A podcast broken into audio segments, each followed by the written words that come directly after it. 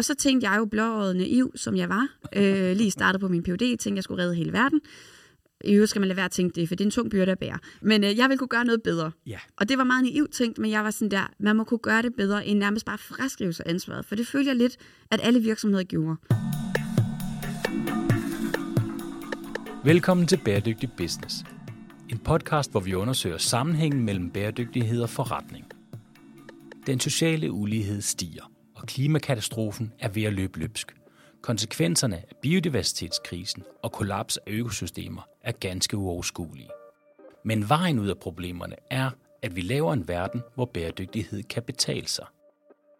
Mit navn er Steffen Marksø. Jeg er forfatter og foredragsholder og direktør i konsulenthuset Sustain Business.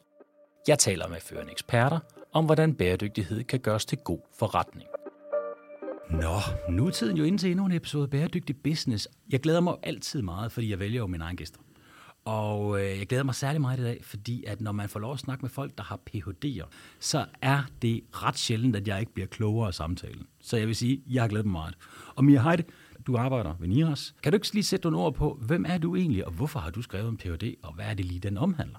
Jo, jeg kan jo lige rise CV'et op øh, ganske kort. Ganske kort, det ja. kan jeg godt lide. jeg øh, har taget både en bachelor og en kandidat på DTU, Ja. hvor jeg har læst bygningsdesign.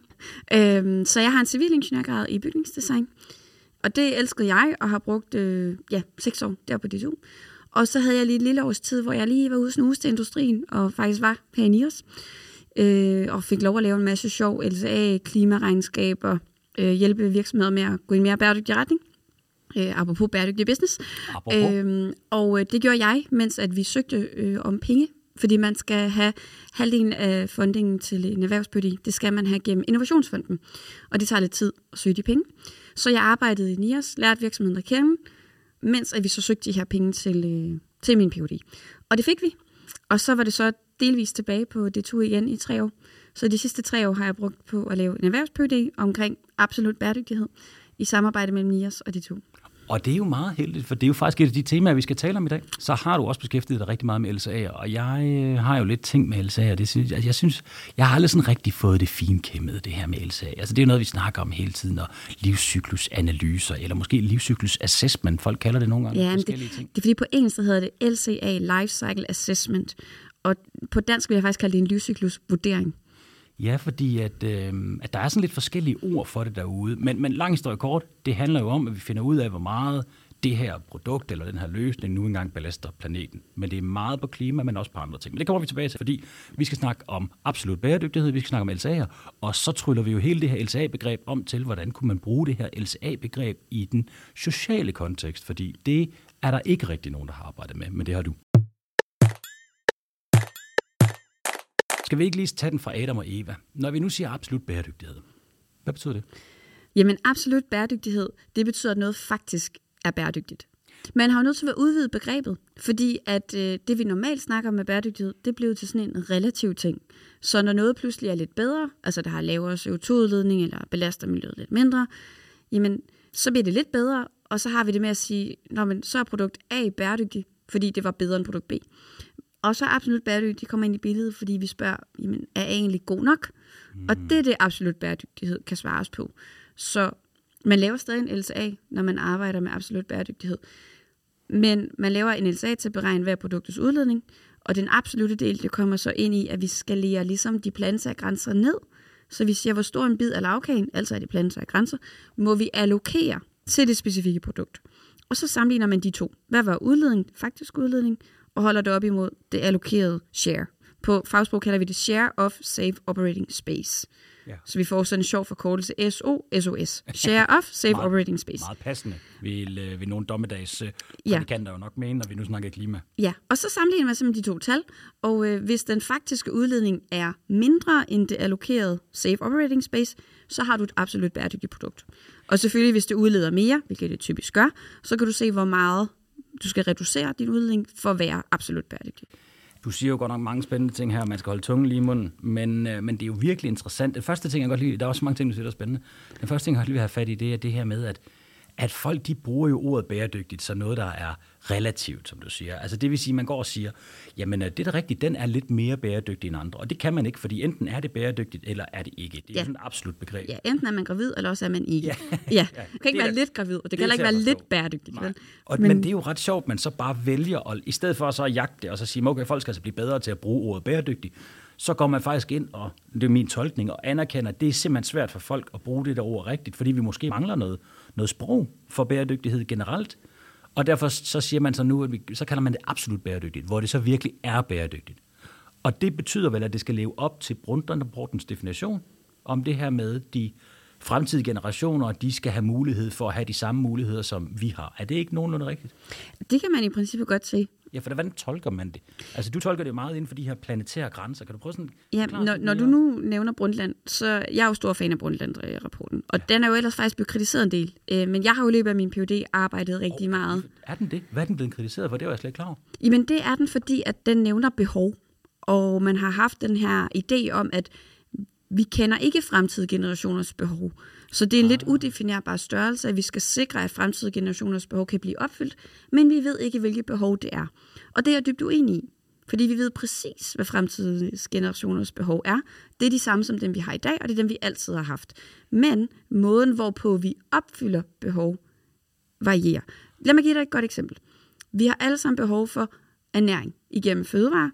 Det kan opfyldes med forskellige diæter og forskellige fødevareteknologier. Så det, at vi har en laboratoriebøf i dag, det er ikke et behov at have, altså at have kød, men, men det er behov at have ernæring. Og fremtidige generationer har behov for ernæring. Vores forfædre generationer, altså vores forfædre havde også behov for ernæring, men vi havde forskellige diæter. Og det er det samme på tværs af landegrænser. Det Hvis du er i Indien, spiser du ja. anderledes end i Danmark. Ja. Men det er samme behov, der bliver opfyldt. Selvfølgelig, men man har behov for noget ernæring, men du har ikke nødvendigvis behov for en rød bøf i fremtiden. Det kan sagtens være, at der kommer nogle løsninger, der er meget federe, og der belaster markant mindre end en rød bøf gør. Lige præcis. Så vi kender behovene, men behovsopfylderne, need satisfiers, dem kender vi ikke. ja. Og det er jo ingeniørernes job, kan man sige, at ligesom få udviklet de øh, teknologier eller så videre, som kan være mere effektive. Øhm, men, men det er helt, altså det der med, det er jo, det er jo donutøkonomi i sin, i sin kerne. Mm. Du har de sociale behov, der skal være opfyldt inden for planetens tålegrænser, og det kunne lige så godt være sådan, at Brundtland havde beskrevet det. Men det er jo faktisk det, de skriver. Mm. Det er, at alle skal opfylde deres behov inden for planetens grænser. I bund og grund så handler det om, at vi har en masse mennesker på den her planet. Vi er en masse mennesker på den her planet, og vi skal have mulighed for at være her alle sammen, og vi skal dele de ressourcer, der er. Det er jo her, at den klassiske SMV-virksomhed vil tænke, når de sidder derude og siger, fint nok, øh, Mia og alle andre, inklusive mig selv, der render rundt og snakker om sådan nogle ting her, men hvordan gør man det i praksis? Altså, hvordan trækker vi det her ned på et niveau, hvor man kan omsætte det til ganske almindelig forretning for en VVS med 50 ansatte, eller en bager, eller hvad pokker det kan være. Det er jo svært, men hvad er dit take på det? Jamen, øh, derfor den her PhD, jeg har fået lov at lave. ja. Den PhD, jeg har været så heldig, fordi den hedder Operationalisering af FN's verdensmål i absolut bæredygtighedsopgørelser til den danske byggebranche. Jeg tror næsten det er første gang, jeg har formået at sige titlen korrekt. Ja. Det er en ordentlig mundfuld, men det, der er så smukt ved den ellers lidt lange titel, det er, at den har tre elementer. Element 1. Operationalisering af FN's verdensmål. Ja. Altså, få oversat verdensmål, så vi kan arbejde konkret med dem. Fordi de er, de er formuleret som, som det globale øh, målsætninger. Og det kan være lidt svært lige at sådan få oversat til dansk kontekst. Mm. Og de skriver faktisk, FN, at nationer og sektorer, de skal ligesom faktisk selv udvikle det, så I kan arbejde med det. Mm. Det skriver de. Og det er ikke greenwashing, men man skal selvfølgelig være på paste med, hvordan man gør. Men der er en SDG, en verdensmåls oversættelse. Det er step 1. Step 2, det var det her i absolute bæredygtighedsgørelser. Så det vil sige, hvordan får vi merged One Planet Design, altså planetære grænser, absolut bæredygtigt, med verdensmålene. Ja, fordi nu skal vi holde tungen lige i munden, fordi det her, det er jo, altså, det er jo svært stof. Man kan sige, verdensmål kender vi alle sammen godt. Der er jo nogle verdensmål, der er 17 af dem, og der er nogle øh, delmål, der er nogle indikatorer. Det, der er udfordring med dem, det er, at der er jo ikke sådan en måleenhed på dem. Og det er det, man mangler, men det er faktisk det, du har forsøgt at putte ind i din Ph.D., altså den her absolut bæredygtighedsmålsætning. Kan man ikke sige det sådan? Jo, og tilpasset det til en sektorkontekst i Danmark. Og klart, og så er det til byggebranchen, hvilket jo er en rigtig god branche at tage fat på, fordi den har ret stort negativt aftryk. Lige præcis. Men alle metoderne udviklet forud er generiske, ja. så man kan lave det samme til alle sektorer. Okay, og hvis man sidder derude, så tænker man, det der, det er, altså, det er i hvert fald det, jeg tænker. Jeg tænker, hold nu kæft, hvordan kan nogen overhovedet finde ud af det der? Men det er jo ret fantastisk, fordi det vi gør nu, det er, at du begynder, vi begynder at få nogle tal for, hvad er det, man skal holde sig indenfor. Hvor meget må man så at sige belaste? Øhm, for ah, kan man ikke godt sige, at det var lidt en svaghed ved verdensmålene? De er mega vigtige, de er super gode, de er rigtig gode på mange områder, men det var vel lidt en svaghed, at vi ikke kunne se, hvem skulle levere hvad? Jo, klart. Altså, øh, det planetære aspekt mangler rigtig meget i verdensmålene. De er jo klart af social karakter. Øh, og vi kan ikke være uenige om, at social bæredygtighed er sindssygt vigtigt. Men der manglede noget planetær fokus. Altså, der var for få verdensmål, der sådan faktisk berører miljøbelastning og klimabelastning. Og de målsætninger mangler så det absolute perspektiv.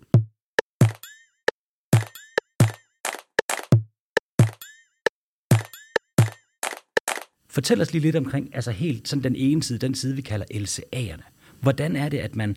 Altså, de fleste ved jo godt, hvad en LCA handler om. Det handler om, at vi har et materiale, vi vil gerne finde ud af, hvad klimaaftrykket er på det her produkt. Men tag os lige med igennem den rejse, hvad det er for nogle ting, man kigger på, når man laver en klassisk LCA. Jamen, der er nogle, der er nogle forskellige steps, øh, og det er næsten lettest at tage et eller andet produkt som eksempel. Så nu vil jeg tage din blæser. Du har en, en fin jakke på. Mange tak. Der, man starter, når man skal lave den her LSA, man definerer det, der hedder The Functional Unit, FU, Functional Unit. Så hvad er det, den skal opfylde? Og det er fordi, måden vi bruger en LSA på, det er oftest til at sammenligne. Vi er på relativ bæredygtighed. Mm. Vi bruger det til at sammenligne, øh, så det, du, du står nede i, øh, du står ikke i H&M. Hvor køber du tøj? Du står i en ordentlig tøjforretning, ikke oh, i H&M. Jeg køber jo ret meget genbrugstøj, men ja. ellers så er jeg jo en sokker for Tiger jakkesæt. Men jeg, jeg har kun to. Jeg er meget bevidst om mit tøj. Okay, men lad os sige, at du, du står nede i Tiger. Du skal have dit tredje jakkesæt, og du kan vælge mellem to okay. jakker. Ja. Og de er forskellige materiale. Ja. Øh, altså sådan råmateriale, det lavet, ikke? Så når vi laver den her LSA, så starter vi med at definere, hvad er den funktionelle enhed. Og det er, at du skal jo have en af god kvalitet, der du kan bruge i 10 år. Mm. Så du skal have en jakke, som du kan bruge til pæne events i 10 år. Så man definerer ligesom de. Fordi hvis den ene var dårligere kvalitet, mm. så du måske kun kunne bruge den i 3 år, så var det vigtigt, at vi sådan ligesom sagde, så skal du faktisk næsten have fire af dem og sammenligne med en. For at kunne klare det samme, ja. Lige præcis. Det tror jeg er et dårligt eksempel, men man kan godt forestille sig i mange andre sammenhænge, at det er vigtigt det her, at de mm. opfylder præcis det samme formål. Ja, det er klart. Hvis du skal sammenligne nogle ting, så skal du være sikker på, at de holder i lige så lang tid. Ja, lige præcis. Så det, det er det første, vi gør. Functional unit. Når vi så har gjort det, så begynder vi at definere goal and scope. Helt præcis, hvor meget skal vi have med? Snakker vi cradle to gate, eller snakker vi øh, hele fuld livscyklus? Eller hvad gør vi her? Ja, og det bliver nødt til at uddybe lidt, fordi der har jeg jo lidt en anke. Det er det med, at man kan jo faktisk lave en LSA, der tager mange forskellige faktorer med. Så det er ikke altid, man bare, altså man, man kan faktisk ikke altid sammenligne LSA'er, selvom der er en LSA på forskellige produkter, fordi den ene kan tage nogle helt andre ting med. Kan du lige prøve at uddybe lidt det? Fordi det er en ret stor udfordring med ja, altså oftest vil jeg sige, at man laver en, en, altså har den fulde livscyklus ja, med. det burde man, ikke? Det burde man. Men man kan godt, hvis man ikke har ansvaret for produktet. Altså hvis det er aktive produkter, det vil sige produkter, der bruger energi, så vil jeg sige, at du skal tage den fulde livscyklus med. Fordi energieffektivitet betyder rigtig meget. Mm, det kunne være en, en iPhone eksempel. Ja, eller et hus. Men en trøje, den skal selvfølgelig vaskes i brugsfasen, så det er mm. ret afgørende, oh, er klart, hvis du har noget, der ikke skal vaskes så oftest. Mm. Det er en af de helt store belastninger ved tøj faktisk, det er også brugsfasen. Det glemmer vi, fordi den bruger faktisk ikke energi. Nej. Men øh, sådan rengøring og vedligehold og energiforbrug, det skal med jo i sådan en LSA. Men man går ligesom igennem den her øh, livscyklus, og så, øh, når vi har defineret den funktionelle enhed, og så begynder man at samle det, der hedder en inventory.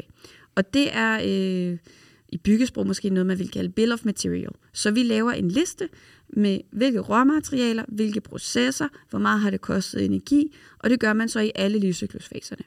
Altså, hvad kræver det simpelthen? Hvor meget sæbe skal du bruge til at vaske den her? Hvor meget energi, hvilken vaskemaskine har du? I produktionsfasen, hvor meget energi. Nu startede jeg et lidt dårligt sted med brugsfasen, ikke? Men hvis vi går tilbage til råmateriale, hvad ja. er det for noget? Er det en bomuld? Hvad er det? Klar. Hvor meget øh, materiale går der ind? Hvor meget energi i produktionen? Og så samler man ligesom alt det der. Ja, så man kan sige, det der er jo rigtig vigtigt, det er, at vi ved, hvad det er for noget materiale, og vi ved, hvor meget materiale der er brugt. Ja. Hvad med transport og alt den del? Det bør indgå. Men altså, nu siger jeg bør, fordi at inden for byggeri har man at man først nu begyndt faktisk at tage det med, og det har faktisk ikke været lovkrav indtil nu, at man netop skulle have, have den præcise transport med. Men vil du ikke mene, fordi det tænker jeg da, at det er et ret stor udfordring, at man ikke har sagt, at en LSA skal være cradle to cradle, Altså for eksempel cradle Vugge til grav. Ja, vugge til grav. Ikke? Altså i hele livscyklusen. For man kan jo godt lave den cradle to gate, og det betyder jo så bare i produktionen, indtil at den forlader Indtil man sælger sit produkt. Ja, indtil du sælger produktet. Ja. Og problemet er jo for, for lægmand, der står derude, der kan man jo ikke altid lige se, om det er det ene eller det andet. Så et produkt kan faktisk komme til at se ud, som om det belaster meget mindre, hvis de laver den til gate, frem for hvis de laver den til, øh, til, til, til grav. Burde man ikke have en, sådan en låst, en, man siger, det her det er en LCAA, og den skal rumme de her ting, så det er nemmere at sammenligne? Jo, men det vil ikke altid hjælpe dig, fordi så har du produkter, som øh, du mener måske er meget værdifulde metaller, så når du så genanvender dem i sidste ende, så får du en gevinst. Mm. Ligesom du kan forestille, at du sælger noget kover igen, så får du nogle penge ind på samme måde, så substituerer du, som vi kalder det, ja. noget ny virgin, altså virgin kover, der bliver udvundet. Noget, ja. Så du får faktisk en miljømæssig gevinst, når du så genanvender. Så det er ikke altid, at byrden kun kommer til sidst i det, jeg kalder end of life, altså Nej. når vi kommer til bortskaffelsen. Så det er ikke altid så sort på hvidt. Så det er faktisk ret kompliceret, fordi hvis du og jeg skulle lave den samme LCA, så ville vi tage nogle forskellige, det bliver det subjektivt, mm. så vi mhm. kommer til at tage nogle forskellige valg her. Og det er blandt andet om, jamen, hvor meget kan vi sige bliver genanvendt, og hvor meget ryger bare på en låseplads et eller andet sted. Kan vi så reelt bruge de der LCA'er? Er, er det bare, må vi bare acceptere, at det er det bedste værktøj, vi har lige nu? Jeg tror, det korte svar er ja. Og så mit akademiske svar er, at jeg går meget ind for forskellige scenarier. For du kan ikke vide, om jo kortere øh, levetid de produkt har, jo mere sikkert kan du selvfølgelig sige noget om, hvordan bliver det bortskaffet. Men nu arbejder jeg inden for byggeri, og bygninger skal helst stå rigtig længe. Ja, øh, helst mere end 100 år plus. Ja. Vi regner 50 år, det står der i standarderne. Det, der, det er en helt anden diskussion, den behøver vi ikke at tage, men de skal jo gerne stå mere end 100 år. Men, men det er faktisk ret vigtigt, at man kan sige, at der er jo nogle standarder, der gør, at hvis man bygger over 1000 kvadratmeter, så må man maks udlede 12 kg CO2 mm. per kvadratmeter. Per år. Det, per år, ja. over 50 år. Så der har man sat en grænse på. Men, men der er jo ikke nogen, nu brugte vi eksemplet før med min blazer, der er jo ikke nogen, der garanterer, at jeg bruger min blazer i fem år, Nej. selvom den kan holde og i fem eller 100 Det er nok en af de største udfordringer ved LSA'en, det er, at vi ikke kan sikre brugeradfærden. Og det er det mest afgørende for resultatet. Fordi ja. hvis du nu forestiller dig, at du fortrød købet af den der blazer, ja. og du kun endte med at bruge den fem gange, ja. det er ikke Altså, det er ikke et dumt scenarie. Altså, det, det sker der for tøj hele tiden. Det sker for tøj hele tiden. Ja. Gennemsnitsbrugen af, et, af en t-shirt er jo vanvittigt lav. Ja. Det er uhyggeligt. Øh, så, så det er ikke, det er ikke et, et dårligt eksempel. Og det betyder jo, at øh, miljøbelastning eller klimabelastning per gang, du bruger den t-shirt, vanvittigt højt. Altså, hvis du nu havde regnet med, at den her t-shirt skal bruges i, nu sagde jeg 10 år, og man skulle nok nærmere definere præcis antal gange, den skal bruges. Men lad os sige, at vi havde antaget, at den kunne du bruge 1000 gange inden den var nedslidt, og du var nødt til at smide den til ja. genanvendelse, og de kunne lave noget fiber genanvendelse, hvad det nu kunne være, den mm. t-shirt. Men du kunne bruge den seks gange. Ja. Så CO2-udledning per gang, du bruger den, den er jo helt forskruet. Jamen, og hvad gør man ved det? Fordi der er vel også altså udspekulerede og onde virksomheder kunne jo godt finde på at få deres produkt til at fremstå, som om det rent faktisk kan holde i ekstremt lang tid. Altså det, et godt eksempel kan jo være, hvis du laver en, en, en bluse, som er halv polyester og halv bomuld, og polyester er jo i bund og grund bare plastik, så det kan jo holde i rigtig lang tid. Men det er jo langt fra sikkert, at, altså, at den har designmæssig kvalitet til det, eller at man gider bruge den så lang tid, eller at man måske ovenikøbet præger moden så meget, at den bliver ikke aktuel meget, meget hurtigt. Hvad gør man så i sådan en situation? Fordi at, at det er jo meget nemt at få sit produkt til at se ud som om, at det har en rigtig lav belastning. Jamen, øh, det korte svar, det man gør, det er, at man regner forkert. Altså det kommer man jo til, ja. for du er nødt til at lave nogle antagelser. Øh, og jeg er meget fortæller for de her scenarier. Altså man prøver at lave nogle forskellige estimater for at sige, jamen, hvad hvis det her sker, hvad hvis det her sker? Altså hvis du som bruger vasker dit tøj efter hver eneste gang, du har haft din trøje på. Det, det er dumt. Altså du skal vaske den, når der er behov for. Så slider man nemlig meget på det. Ikke? Man, kan, man kan prøve at lave de der scenarieberegninger, men man er jo nødt til at tage et kvalificeret gæt. Og det er det jo rigtig ofte, især på produkter med lang levetid. Fordi igen, med produkter med kort levetid, det er ikke helt vildt afgørende. Fordi vi bedre kan gætte på, hvordan du håndterer dit produkt, og hvordan du bortskaffer det i okay. sidste ende. Ja. Og det er jo smartphone, det, det, hvad, hvad har vi det med et eller to år i gennemsnit? Det er ganske kort sikkert, ikke?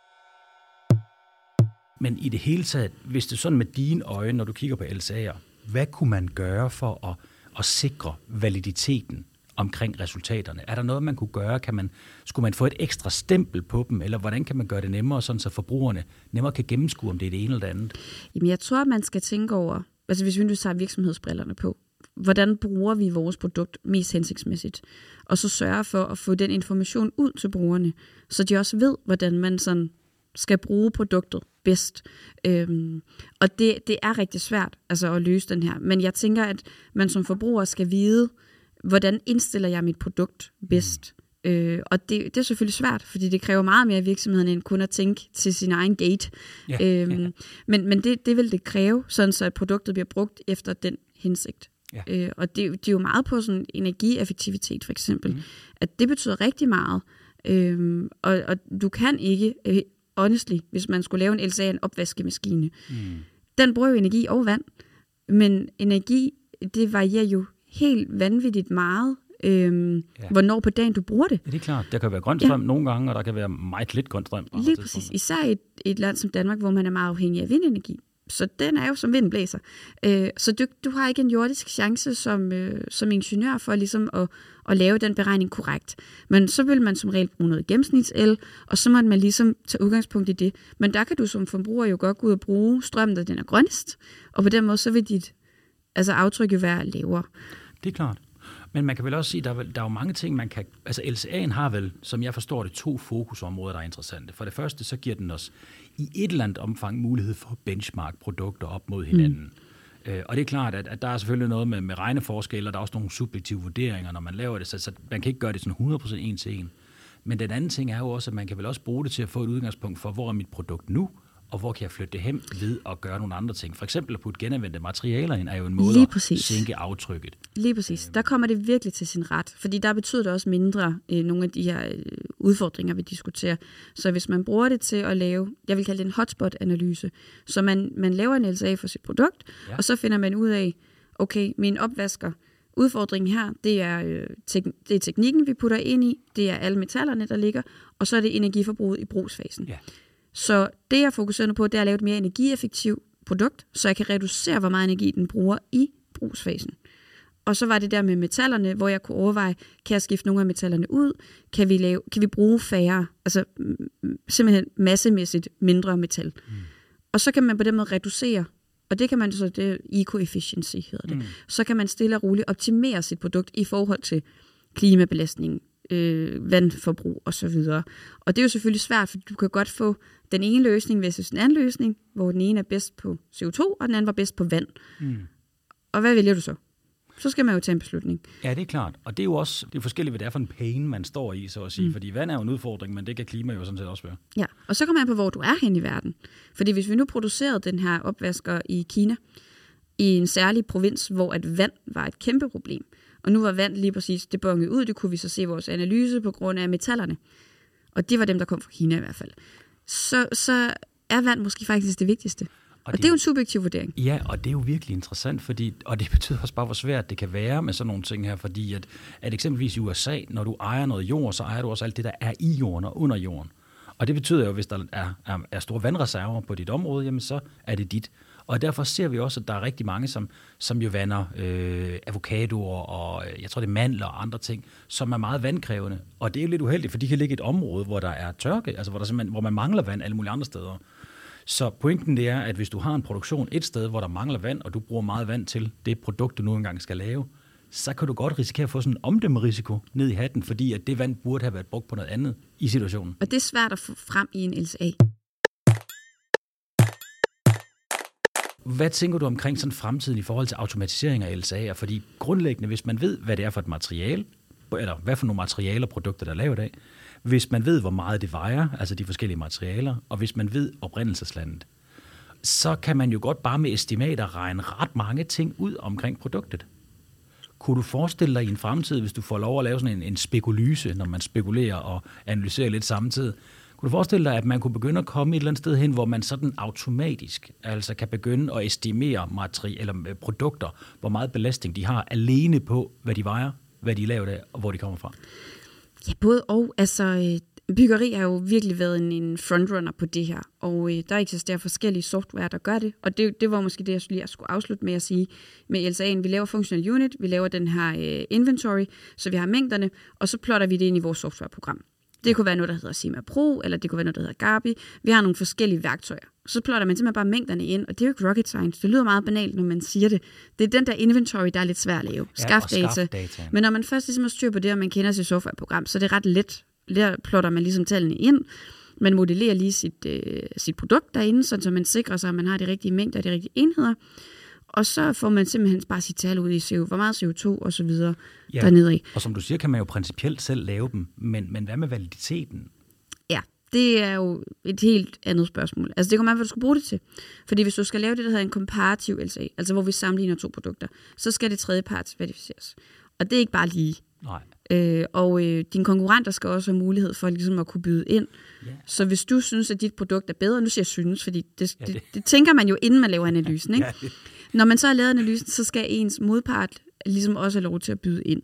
Så du, du kan ikke bare ligesom bruge dårlige data Nej, nej. til deres produkt. Der er eller noget sådan noget. greenwashing der. der Ja, lige præcis. der. Så det kommer man på, du skal bruge den til. Fordi hvis det er til intern optimering af dit eget produkt, Så kan man måske så kører du bare løs. Ja. Hvad nu, hvis det er noget, man skal bruge eksternt til sådan en komparativ analyse? Altså, øh, går man så ned til den lokale advokat og lige beder ham om at, at kigge det igennem, eller så skal man jo vel egentlig have Du skal have en rådgiver på, ikke? det skal jo helst være Så ringer man til mig. Dejligt. Men det er jo meget sjovt, fordi det er jo noget af det, som man godt kunne frygte bliver et problem fremadrettet. Fordi at på et tidspunkt, så kommer, så kommer det jo nok til at gå op for rigtig mange forbrugere, at vi vil godt vide mere om vores produkter. Og så er LSA jo en god løsning til at finde ud af, hvad produkterne består af. Ja. Men kan vi så stole på alle de LSA'er, der eventuelt kommer ud af Kina? Hvis det er stemplet med det kommunistiske folkepartis øh, velsignelse. Og, og nu det er lidt fordomsfuldt og lidt spøgefuldt sagt, men det kunne jo godt være, at man ikke helt havde tillid til det, der kom ud derfra. Hvad gør man så? Jamen altså lobbyisme og øh, korruption, øh, som jeg jo synes er et og samme ord, øh, det er jo en ting. Og vi ser jo desværre virksomheder, der, der går med den, og nu vil jeg ikke hænge nogen ud, men det kunne for eksempel være, at man havde produktion mange steder i verden, og øh, så kunne man lave sin, øh, sin LSA eller EPD for sit materiale det sted, hvor energien var grønnest. Så lavede man den i Danmark, men den blev måske lavet i Kina. Det er det. Så det kunne være en måde, hvor man tænker, kan du stole på det? Ja. Og der er, hvis man vil snyde, kan man snyde. Sådan er det jo hele vejen rundt. Ja. Øh, men de skal jo gerne øh, tredjepartsverificeres, og det er jo ingeniørernes opgave at ligesom fange de her øh, fejl og sige, jamen det kan man ikke. Det vi jo alle sammen gerne vil have, og som man måske drømmer lidt om, det er jo, at når vi går ned i øh, den lokale brus, så kan vi faktisk se, hvad det er, de her forskellige produkter, de koster planeten at producere og sammenligne med prisen. Det har de jo lige, det ved du selvfølgelig alt om, men de har jo lavet den her klimakvikli, hvor man kan gå ned, og så kunne man faktisk se, hvad klimabelastningen var på de forskellige produkter, og dermed tage det med i sin overvejelse, når det var, man handlede ind. Og det sjove er faktisk, at det man kunne se, det var, at de kunne ændre folks adfærd til at være mere klimabevidst, samtidig med, at, øh, at de blev ved med at opretholde det samme salg i organisationen, så, så Kvickly tabte ikke penge på det. Mm. Og øh, de har gjort noget lignende i et tysk øh, supermarked, hvor, de, hvor de havde, der har de faktisk været så, så rabiate, at de havde ændret priserne Ja. med udgangspunkt i, at, at hvad det reelt kostede planeten at producere de forskellige ting. Jeg er Så- kæmpe fan af det der. Det er ja, super så ost sejt. blev lige pludselig vildt dyrt, og kød vildt dyrt, og grøntsager noget billigere, og, og sådan noget. Så, og jeg er også kæmpe fan af det, og det er jo også der, vi kommer hen. Men tilbage til spørgsmålet. Vi skal jo have lavet en verden, hvor vi kan få LSA'er på alting, så vi kan sammenligne det. Mm. Hvordan fanden gør man det? Og når vi skal lave en klimaafgift, hvordan, hvordan gør vi, altså med dine øjne som, som praktiker, hvordan, øh, hvad gør vi der? Det er Jamen- mange LSA'er. Ja, men altså, jeg tror, man skal hen til sådan en, øh, ligesom vi har certificeringsordninger, og du kan være svanemærket og så meget andet. Vi sætter jo mærker på alting. Ja. Så tror jeg, man skal have den her CO2-mærkning på alt. Ja. Og øhm, selve beregningerne, ja, det er lidt besværligt, men det bliver lettere og lettere. Øh, og databaserne bliver hele tiden opdateret, og der kommer flere og flere folk, der har de kompetencer. Så det tror jeg nu nok på skal komme. Og øh, der må komme et eller andet med, med AI eller noget machine learning, der ja, kan hjælpe os vel også. Være, det må være noget med, at man går all in på de der estimater, og så siger man, en agurk er cirka så og så meget, Og det har vi jo faktisk. Der er jo klimadatabase, jeg tror, det er det, den hedder, øh, som, som Concito har lanceret med alle fødevarer. Og, og det er jo selvfølgelig ikke produktspecifikt, altså fra den specifikke producent. Der står, hvor meget øh, agurk og hvor meget øh, den ene og den anden type oksekød og mælk og mejeri. Men der står ikke det specifikke produkt. Nej, men, men det kunne man bruge til at lave øh, afgiften på. ja. Men, men incitamentet for, at jeg, der producerer agurker, kan vise, at min agurk belaster mindre, udbliver. Men så skulle jeg så egentlig bare lave min egen LSA og benchmarke op imod det eksisterende tal. Det kunne man selvfølgelig godt gøre. Det er utrolig interessant, fordi der er jo virkelig mange mennesker derude, som gerne vil gøre såkaldt det rigtige, eller i hvert fald gøre det, der belaster mindre. Men hvis man er sådan helt, altså hvis man ikke har nogle tal at navigere efter, så kan det være super svært. Og, øh, og når det kommer til det sociale område, så kan man sige, at alt det, vi taler om her, det, det, er, jo, det, er, jo, de, det er jo naturressourcer, og vi, vi snakker vand, og vi snakker klima. Men, men når det er det sociale område, så har man ikke så meget at navigere efter, for der er jo kæmpe forskel på, om jeg køber en telefon, der er lavet af, øh, altså af en virksomhed, nu siger jeg bare en masse ting, hvor der ikke er en masse korruption i virksomheden, hvor, der, øh, hvor de har betalt deres skat, og hvor de måske har taget rigtig højde for de sociale arbejdsforhold. Det kunne være Fairphone. Det kunne være Fairphone, som jo faktisk er den eneste telefon, hvor man kan, man kan skille den fuldstændig ad, og man kan reparere den og alle de her forskellige ting. Mm. Men det kan jeg jo reelt ikke se. Mm. Hvordan gør man noget ved det? Det er jo et sindssygt godt spørgsmål, ja. som jeg jo også stillede mig selv for tre år siden, Ja, og da jeg startede min PhD. Nu er vi ude at snakke LCA'er på det sociale område, Ja. faktisk. Social LSA. Og øh, jeg startede jo PhD'en med en baggrund som det, jeg kalder livscyklusingeniør. Jeg har specialiseret mig i LSA, det vil jeg snakke om, Ja. Med klima og miljøbelastning. Ja. Og da jeg så startede PhD'en, så skulle jeg arbejde med verdensmål. Og de er jo meget mere social De karakter. har jo det hele med. Ja, så jeg tænkte, vi er simpelthen nødt til at dykke ned i, hvordan måler og vejer vi social bæredygtighed, hvordan måler og vejer vi menneskelige behov. Altså det her med opfyldelse af behov, det var der, vi startede. Ja. Ergo social bæredygtighed. Og så fandt jeg ud af, at der er jo selvfølgelig noget, der hedder en social LCA. Og så måtte jeg jo starte med, hvordan laver man sådan en? Ja. Og øh, hvordan gør virksomheder, altså hvordan håndterer de? Altså jeg startede jo i NIAS med at sige sådan, hvordan sikrer vi os, at der ikke er tvangsarbejde i, øh, i vores bygninger, når vi bygger sådan nogle? Og så dykkede jeg lidt ned i, hvordan vi dokumenterer det. Og man skriver nogle rigtig fine dokumenter, hvor at, øh, man ligesom siger, menneskerettighederne, dem, dem støtter vi, og øh, vi, vi vil ikke have nogen brud på menneskerettighederne i nogle af vores projekter. Mm. Og så skriver vores øh, CEO under, og det gør man lidt i alle virksomheder. Og når man så laver projekter, så, så putter man det ligesom ned i supply chain. Så leverandører skal skrive under på, at de heller ikke bryder menneskerettighederne. Og det har været lidt den nemme måde. Så siger man, nu skal I høre, vi overholder alle regler i hele verden, det skal I også gøre, hvis I handler med os. Og det betyder i praksis, vi tjekker aldrig op på jer, og hvis der sker noget, så er det jeres skyld. Ja, Og det har man jo kunne slippe afsted med. Men nu kommer der jo EU-lovgivning, der tvinger due diligence igennem, så man skal faktisk tjekke op på de her ting. Ja. Og det, men for tre år siden, der var vi der, hvor at jeg sagde, det må man kunne gøre bedre. Ja. Og det var faktisk, fordi jeg så tog til DTU og snakkede med min vejleder, Michael Hauschild, og han sagde, ja, ikke desto mindre er der jo masser af tvangsarbejde, masser af børnearbejde, selvom ingen virksomheder støtter det. Ja. Og så tænkte jeg jo blåøjet naiv, som jeg var, øh, lige startet på min PhD, tænkte, jeg skulle redde hele verden. I øvrigt skal man lade være at tænke det, for det er en tung byrde at bære. Men øh, jeg ville kunne gøre noget bedre. Ja. Og det var meget naivt tænkt, men jeg var sådan der, man må kunne gøre det bedre, end nærmest bare fraskrive sig ansvaret. For det følte jeg lidt, at alle virksomheder gjorde. Og det var ikke for at pege fingre i os. Vi gør ligesom alle andre. Ja, det, og alle gør det der. Og det er den bedste, den bedste tro. Øh, og så tænkte jeg, kunne man ikke prøve at lave, ligesom den her hotspot-analyse, vi lavede med LSA'en, hvis man nu lavede en social hotspot-analyse, Ja, hotspot-analyse, det var den, du nævnte med LSA'en før, hvor man laver en LSA for at finde ud af, hvad er de, de svære områder. de store syndere, De store syndere. ja, hvor den største udledning eller største sociale risiko, Klart. og kunne man så undersøge de specifikke, nu er det specifikt til byggeri her, ikke? de specifikke materialer og komponenter, der har en høj social risiko. Hvordan kan man vurdere det, for eksempel på solceller? Øhm, tak fordi du nævner solceller, for det er jo en af de store syndere i dansk byggeri. Det ved vi. Men øh, en social LCA, det er meget sådan en cradle to gate. Og det kunne man starte med at sige, hvorfor har man ikke resten af livscyklusen med? Mm. Men lad det nu lige ligge. Så der går man ind, og så har vi noget, der hedder Social Hotspot Database, som simpelthen er øh, nogle forskere, der har samlet en masse data og ligesom udviklet, hvad er det for nogle indikatorer og parametre, vi skal måle på. Det er en, en kæmpe database. Ja. Altså der er fem øh, endpoints, så det er sådan nogle helt store kategorier som sundhed, arbejdstagerrettigheder, øh, der er noget omkring... Øh, Børnearbejde, vel? ja, men det hører lidt ind under, øh, under en af kategorierne, kan man sige. Men det er sådan fem sådan store hovedkategorier, Ja. og under dem, så ligger der 28 midtpunkter. Så det vil sige, at minimumsløn, øh, overarbejde, børnearbejde, tvangsarbejde, de ligger, det er midtpunkter. Ja. De ligger under arbejdstagerrettigheder. Ja. Så de er samlet i en pulje. Og de måles så af 1-5 øh, punkter nedenunder. Så du kan også se, at det bliver, det bliver et ret stort øh, træ, vi bygger her. Ikke? Jo, jo, og nu skal vi lige, nu skal vi helikopteren igen, nu skal vi sikre på, at jeg er lige med her. Så, så det man gør, det er, at man går faktisk ind, og så kigger man, der er de her fem områder med en masse underområder, Ja. som man skal holde øje med. Og så har man ligesom identificeret, hvad er det for nogle sociale områder, man skal finde ud af, der skal, eller man skal holde øje med. Men hvordan lokaliserer man så det over på selve det produkt, man holder øje med, solceller i det her tilfælde? Det måles i noget så øh, akademisk som mean risk hours.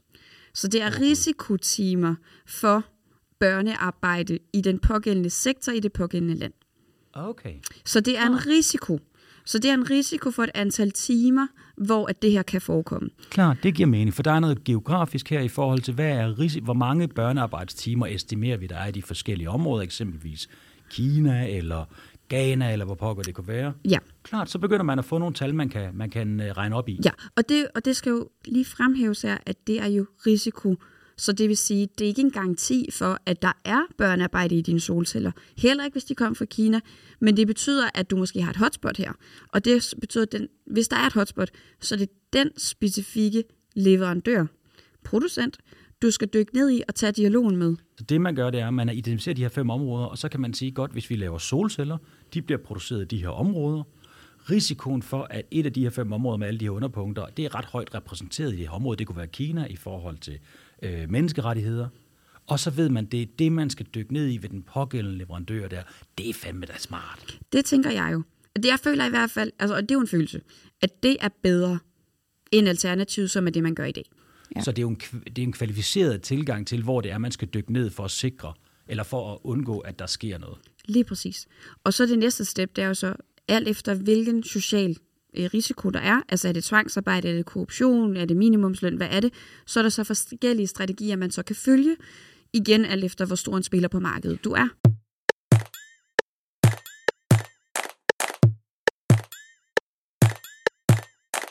hvor sikkert er det der data? Altså, jeg er med på, at det er jo kun en risiko, det understreger du også, men altså, har man ordentlig data for at vide, om menneskerettighederne bliver overholdt? Og sådan noget? Altså... Både og, fordi der måles jo på virkelig mange parametre. Ikke? Altså, vi havde de her 28 midtpunktkategorier med 1-5 punkter under. Så ja. det er jo et kæmpe datasæt. Ja. Og det kan godt være, at nogle af punkterne er ret usikre. Ja. Men når du så har, lad os bare sige, mere end 100 punkter, så må det jo give dig et eller andet retvisende billede i sidste ende. Og nogle af dem er ret usikre, nogle af parametrene kan, kan du være lidt uenig i. Det er lidt ligesom BMI, at det er godt til at måle ja, ja, overvægt. Ja, ikke? Ja. Øh, men i langt størstedelen af tilfældene, så, så er det ret godt. Og så er der nogle parametre, som måske ikke er det bedste i hele verden. Et, et, et meget hurtigt eksempel kunne være, øh, at øh, adgang til hospitaler, altså sådan sundhed øh, på, på nationalplan, det måles med antal sengepladser i hospitalerne. Og i Danmark har man faktisk ikke så mange sengepladser på hospitalerne, fordi vi har nogle ret gode hjem. Ah, øh, så derfor yes, så får vi måske lidt medium risiko på den. Yes, yes, og det er jo selvfølgelig lidt misvisende. Og det er lidt ligesom BMI, at hvis du bare er mega pumpet og kæmpe ja. stor, så kan du godt være overvægtig i ja. BMI, selvom at du ikke er det og faktisk er rigtig sund. Det er jo, øh, det er jo de problemer, vi lever med, eller også. ja. ja, det kender du. Ja, ikke? Om det kender jeg altid. Ja. Så det er jo bare for at give et eksempel på, på måden. Men det er jo bare én parameter ud af måske mere end, jeg ved ikke, hvor mange der er, 120 forskellige. Så det kan godt være, at nogle af dem er lidt ved siden af.